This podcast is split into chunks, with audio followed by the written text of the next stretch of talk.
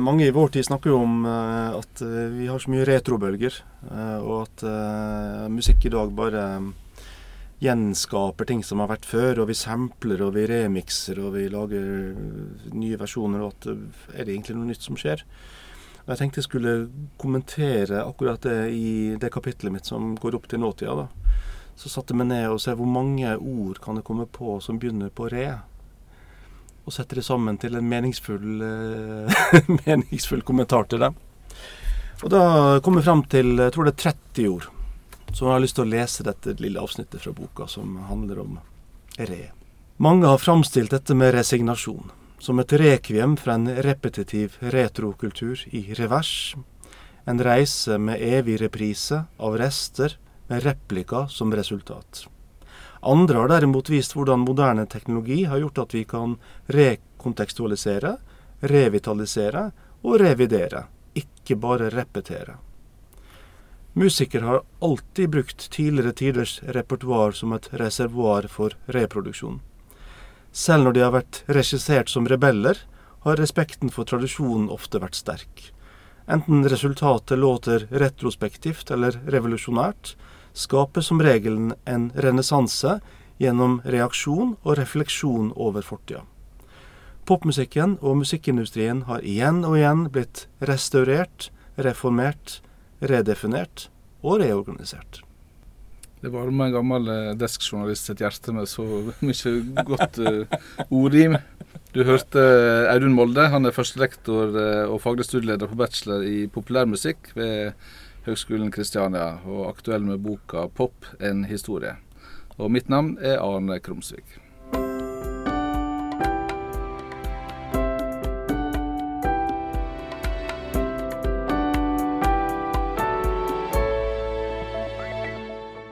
Bakgrunnen for at jeg skrev den boka, er jo at jeg har jobba med musikkutdanning eh, i veldig mange år nå. Jeg har jobba alltid i skjæringspunktet mellom utdanningsfeltet og bransjen. Og jeg er jo eh, musikkviter av fag, og jeg har også historie i min fagkrets fra universitetet baki der. Så musikkhistorie og populærkultur har alltid vært liksom, i kjernen av det som har opptatt meg faglig. da. Eh, og jeg har jo også hatt forelesninger, undervist og, og jobba med det også i mange mange år, og hatt masse studenter innenfor det. Um, og det er jo ikke første gangen faktisk at jeg skriver en bok om popmusikkens historie. Um, så litt av bakgrunnen for dette her er jo også at jeg skrev ei bok i 1996 sammen med en medforfatter om, som heter Wow, populærmusikkens historie. Og Den kom i ny utgave i 2004. Og Den begynner jo å bli ganske gammel nå. Og jeg tenkte at nå er det kanskje på tide å fortelle den historien på en annen måte. Men jeg har også skrevet en bok som heter Ekko. Som, um, som er en lærebok for musikklinja i videregående skole. Den kom ut i 2000. Og den har jo en generasjon uh, ungdommer som har gått på musikklinja på videregående, blitt plaga med. Og mange av disse her de møter jo jeg nå som studenter, og da pleier jeg å si til dem sånn beklager at dere ble plaga med den boka der, og da får jeg veldig mye hyggelige tilbakemeldinger på det. da. Så, så, det er jo egentlig tredje gang at jeg forsøker å fortelle den historien her. Um, og da, jeg har prøvd å fortelle den på en helt ny måte. Um, Hva måte da? Så Da jeg skrev den første boka mi i 1996, så var jo ikke Google oppfunnet ennå. Og det fantes ikke noe Wikipedia. Og internett var helt i sin tidlige fase. Så i dag så er premissene for å skrive en, en sakprosabok eller en faglitterær bok eller en historisk framstilling helt annerledes. For folk kan liksom sitte på mobilen sin og google fakta og sjekke ting på Wikipedia og tro det er sant og alt dette her. ikke sant? Så, så, noe av grunnideen min var at det er ikke poeng å lage et slags leksikon eller lage en bok med alt mulig, bare ramse opp masse fakta, for det fins. Det er ikke det det er mangel på. Det er det mangel på i, i vårt nettbaserte samfunn i dag. Det er jo sammenhenger og kontekster og eh, sånne ting som det. Så jeg tenkte jeg skal i hvert fall lage en bok som inneholder alt det du ikke kan google og som ikke bare oppramsing av fakta. Og Jeg har heller ikke lyst til å lage en sånn popquiz-bok med bare den morsomme historien om alle som drakk seg i hjel, og alle røverhistoriene og alle disse mytene om musikkbransjen som du har hørt. Noen av det er jo sanne, mens andre er godt uh, mytologiserte etter hvert. Jeg har heller ikke lyst til å lage en historie bare om disse storhetene. Uh, disse, altså, mye av den uh, kunstsynet som også populærkulturen preges av, og mye av journalistikken rundt det, har jo vært å framheve de store mesterne. Det ligner veldig på romantikken, egentlig. Og disse store mesterne, det er jo alltid menn. Og, um, og det er ofte hvite. Um, og jeg, skrev, skriv, prøver å skrive like seriøst om Dolly Parton, om Spice Girls, som vi gjør om, om Neil Young eller Bob Dylan i denne boka her. Og Jeg tenkte jeg skal prøve å bare kutte ut alt det der, og så skal jeg prøve å se her alt sammen på nytt og spole tilbake. Og nå skjønner du det at ambisjonsnivået har begynt å bli rimelig høyt. så, så, det var en sånn grovsortering metodisk da, eh, på hva jeg ikke ville skrive. Eh, og så tenkte jeg at eh, bare den perioden fra århundreskiftet fram til i dag i 2018 er jo i seg sjøl utrolig interessant. Denne uka her så holder jeg et foredrag på Rockheim om den digitale pionertida, som jeg kaller den perioden vi lever i nå. Og det er nok å snakke om der. Men det må jo lengre bak. Og ofte i sånne framstillinger så kommer du da til 70-tallet og 60-tallet. Og der har du en generasjon som har vært veldig flink å skrive. Jeg er ikke en del av den generasjonen sjøl. Og jeg er heller ikke en av de som syns at alt var bedre før. Så jeg har ikke lyst til å, å, på en måte gjenspeile den, det narrativet og den fortellingen heller. Og nå ser jeg jo også at en del internasjonal litteratur som kommer om, om også popmusikkhistorie, eh, som har begynt å forlate det narrativet. Man ser at det er ikke sant at alt begynte med Elvis Presley. Det er ikke sant at liksom, ingenting hadde skjedd før The Beatles. For hvem var det de hadde som forbilder? Da må du gå tilbake. Og da er det plutselig på 40-tallet så ser du noen interessante eh, ting. Eksplosjon av plateselskaper, gjennombruddet for TV-mediet, båndspilleren som blir funnet opp, vinylplatene som har 70-årsjubileum i år. Da er vi på 1940-tallet. Men gullalderen til amerikansk musikkindustri, den er jo før der igjen. Den er på 30-tallet. Og så begynner vi å spole bakover, spole bakover, spole bakover, skjønner du. Og så havner vi på 1920-tallet. Og da blir jo radioen utvikla. Og plateindustrien ble elektrifisert, og folk begynner å synge mikrofon, f.eks., som de aldri har gjort før.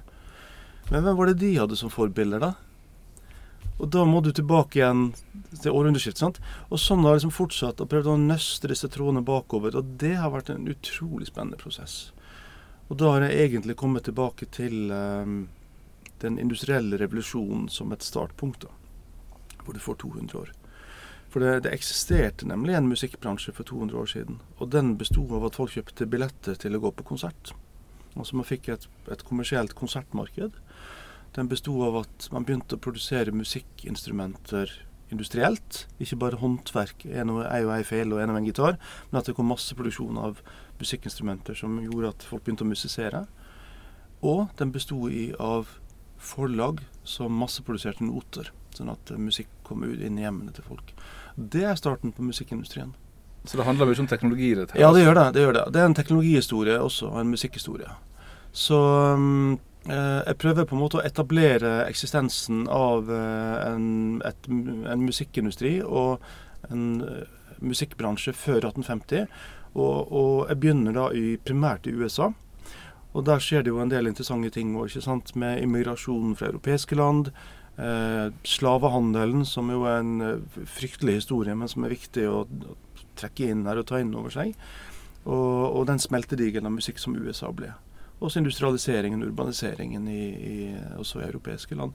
Da kan vi begynne å snakke om en urban kultur. Vi kan begynne å snakke om en, en kommersiell musikkindustri. og Det første det, det her man begynner å bruke popmusikkbegrepet. Det finnes en bok som kom ut i England i 1852 som heter 'Popular Music of the Olden Times'. Det er første gang du ser uttrykket 'popular music' brukt på den måten. Og så har du romantikken, som skiller mellom at du får et kunstbegrep, og noe er kunst, og noe er ikke kunst. Og Da begynner man å tenke sånn at noe er kunstmusikk, noe er populærmusikk, og noe er folkemusikk. Man begynner å lage en, en inndeling av musikkfeltet eh, som i dag vi kanskje ser på som ganske rigid, men som er veldig viktig på 1800-tallet. Da kan du begynne å snakke om populærmusikk som et eget felt. Men Det betyr at eh, popmusikk er et byfenomen, eller henger sammen med utviklinga av byene? Ja, det har det alltid gjort. Det er et ganske godt poeng at um, Der kan du f.eks. se på countrymusikken i USA. Bare ordet sant, country. Det er musikk fra landsbygda. Og den levde jo som så folkemusikk i mange generasjoner. Den har bakgrunn i, immigranter spesielt fra Skottland og Irland som kom til, eh, til eh, små fjellbygder i Appalachen i Tennessee og Kentucky osv. Og, så og så hadde med seg folkemusikken sin. Og så når vi spoler frem til 1920-tallet, så blir denne musikkulturen tatt inn i varmen i platebransjen. Blir spilt på radio. Grand Ole Opry kommer. Og forlagene begynner å utgi denne type musikk, og vi begynner å blande den som hillbilly music, etter hvert country music. Og hvor skjer det? Jo, det skjer i byene, spesielt i Nashville, som blir countrymusikkens hovedstad. Eh, New Orleans er en viktig smeltedigel for musikk i sørstaten. Den eneste store byen i sørstaten i USA på den tida. Så det er når musikkulturen kommer inn til byen, der infrastrukturen, der er det elektrisitet, der er det plateselskaper, forlag, osv. osv. Bluesen kom til Chicago, og da ble den elektrisk. Atlanta, som jeg har bodd i sjøl, er også jo den nye hovedstaden i sør. Den er vel ikke helt uvesentlig, den heller, i, i, moderne popmusikk? I moderne popmusikk så er Atlanta veldig interessant, for det skjer så mye spennende der nå på hiphop-fronten. Uh, så det har blitt en veldig veldig interessant musikkby nå i, i nyere tid. Når du går litt lenger tilbake igjen i, i forhistorien her, så er det jo kanskje andre byer i sørstatene som uh, hele Mississippi-deltaet fra Memphis ned til New Orleans, som, som, kanskje har en større betydning. da. Når du setter i gang med et sånt prosjekt, et svært prosjekt, og skal forklare det hele, mm. eh, og så har du skrevet noen bøker eh, fra før, så du så akkurat det å skrive bok har du vært borti. Mm. Men hva har du har lært av, av bokskriving tidligere som du kunne ta med deg nå, altså, som du kunne bruke som, som erfaring når du skulle til på et sånt stort prosjekt? Altså Jeg har jo skrevet noe alene, men også mye sammen med andre. Og Man lærer jo mye av å samarbeide med folk, og lære av med forfattere. Så jeg har prøvd å ta til med det. Um, men et sånt arbeid som jeg har gjort med denne boka her, det er jo ganske uh, ensomt. For du sitter jo liksom og leser og gjør research og forsker på ting. Og lytter, ikke minst. Jeg har hørt utrolig mye og gjort masse dypdykk. Uh, og prøver liksom å finne en, en form på det. Så jeg har vel prøvd å lære noe om balansegangen da, mellom bare å pøse ut masse, masse ting som er interessant å snakke om, og prøve å finne en fasong på det. Å finne et narrativ og finne en historie. Og Boka mi heter jo 'Pop en historie'. Altså Det er én historie. Det finnes andre historier også. Men dette er den historien som jeg ville Så fortelle. Så du gjør ikke krav på å finne den universelle sanninga? Nei, det håper jeg at ingen andre gjør heller. I så fall så vil jeg gjerne snakke med dem. men, men, men, men, det er jo ofte sånn at eh, da har du en, en ståstad. da. Hva er det som er din ståstad? Hva er det du står og ser når du skriver? Jeg prøver å, å, ha et slags litt sånn fugleperspektiv på ting. Jeg prøver å se som et sted, en tidsperiode, mennesker som er der. Hvem var de, hva holdt de på med, hva ville de? Eh, og jeg prøver også å se hvordan kultur beveger seg litt tilfeldig. For da, et, et eksempel på det er jo når bluesen kom til England og grunnla sånne band som Rolling Stones og Led Zeppelin og Animals osv. Nå er vi på 60-tallet igjen, da. Eh, men det var jo en eh, immigrant fra Sovjetunionen som var vokst opp i Sveits. Som bodde i London, som tilfeldigvis hørte musikk fra Chicago. Som ble mentoren til Rolling Stones. Altså Dette kunne ingen gjette dette skulle skje. Eller at folk i Bronx på 70-tallet skulle tilfeldigvis høre en gruppe med sånne tyske robotmennesker som kraftverk og bli inspirert av musikken de lagde. Så ståstedet mitt er jo egentlig å prøve å finne disse sammenhengene, men også sette lys på tilfeldighetene. For det er så utrolig mange fascinerende tilfeldigheter. Og um, metoden min ble egentlig å tenke kronologisk. At jeg prøver å lage kapitler som er fra sånn tid sånn til tid sånn.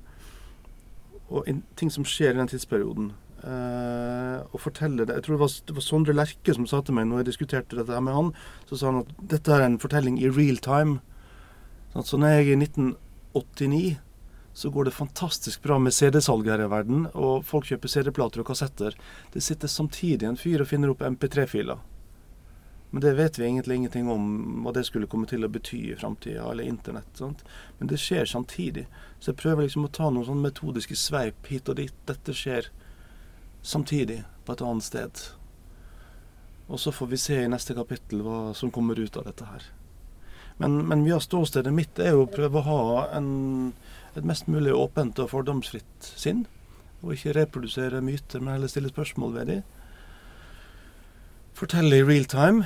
Um, prøve å motvirke litt uh, også det tyngdepunktet i narrativene som mange har sagt før. Et eksempel er igjen da, 60-tallet, som er så mytologisert. 1966, 67, 68. Alle snakker om den psykedeliske rocken.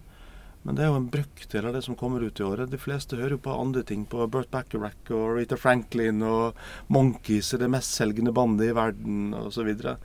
Så man løfter ofte opp noe til å bli veldig viktig, og det er det. Men så glemmer man liksom de 90% andre tingene som skjedde. Jeg prøver å få med den historien også. Når du forteller den i real time, som, som, du sier, så betyr det at du tar oss med på en reise gjennom disse tiåra. Ja. Eh, I større grad enn at du står her vi er i dag og analyserer alt med dagens eh, ja. briller på. Ja, det er riktig. Jeg prøver å, å, gjøre akkurat det, og ta leserne med på en reise gjennom disse periodene. Hva, hva er det du ser da som du ikke hadde sett hvis du hadde valgt det andre perspektivet? Det er jo veldig lett å se fasiten på mange ting eh, i dag, sant? som man ikke så den gangen i det hele tatt. Eh, og jeg tror jeg hadde gått glipp av en del ting hvis jeg bare hadde sett det med nåtidsblikket. Det tror jeg. Eh, ikke minst de spennende tingene som skjer i undergrunnen. 1903-74, eh, alle snakker om Pink Floyd og prog-rock og sånn. Men det er da hiphop-musikken begynner å gry fram i New York. Hva er det mest overraskende du kom over, som ikke du liksom hadde inne fra før? Det, jeg syns jo at noe av det mest spennende har vært begynnelsen på historien og slutten på den. Altså prøve å fortelle noe om de siste 20 årene. da, Til hvor vi er i dag, digitaliseringen av musikkbransjen. Og så har det vært utrolig spennende å grave i 1800-tallet. Der er det mye nyheter, for det vet jo folk ikke så mye om.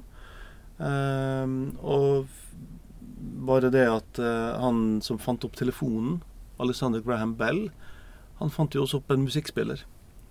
Som var en konkurrent til Edison. Han kjøpte opp Edison sine patenter.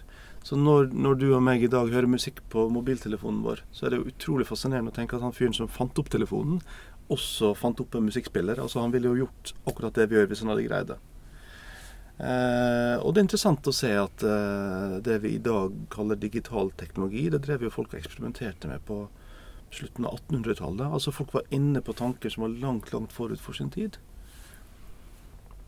Um, ideen bak Spotify, f.eks., å ha musikk tilgjengelig på telefonen, den var prøvd ut i uh, delstaten Delaware i USA i 1908-1909. Da var det et firma som tilbød folk å abonnere på en musikktjeneste via sin telefon.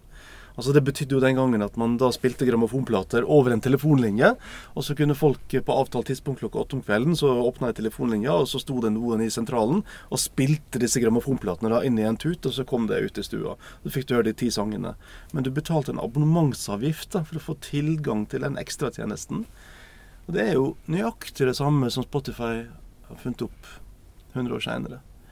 Og, sånne ting, å se hvordan eh, ideer, oppfinnelser har bevega seg, det er kjempespennende. Det er også veldig interessant å oppdage hvordan alle musikere og alle låtskrivere til alle tider har bygd videre på forfedrene og formødrene sine. Vi tenderer ofte til å, å framheve ting som unikt og spesielt og genialt og helt nyskapende. Og så er det jo ikke alltid det. Altså Det er jo som regel noe nyskapende ved ny, god musikk, men den står jo også på skuldrene til folk som har vært der før.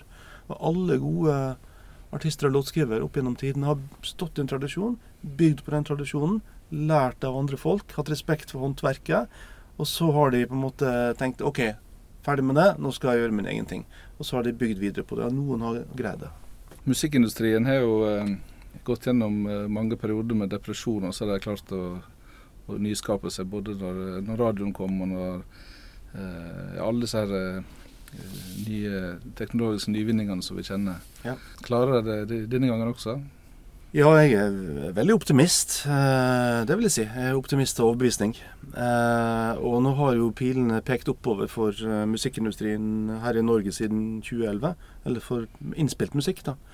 Eh, livesektoren vokser, publishing vokser.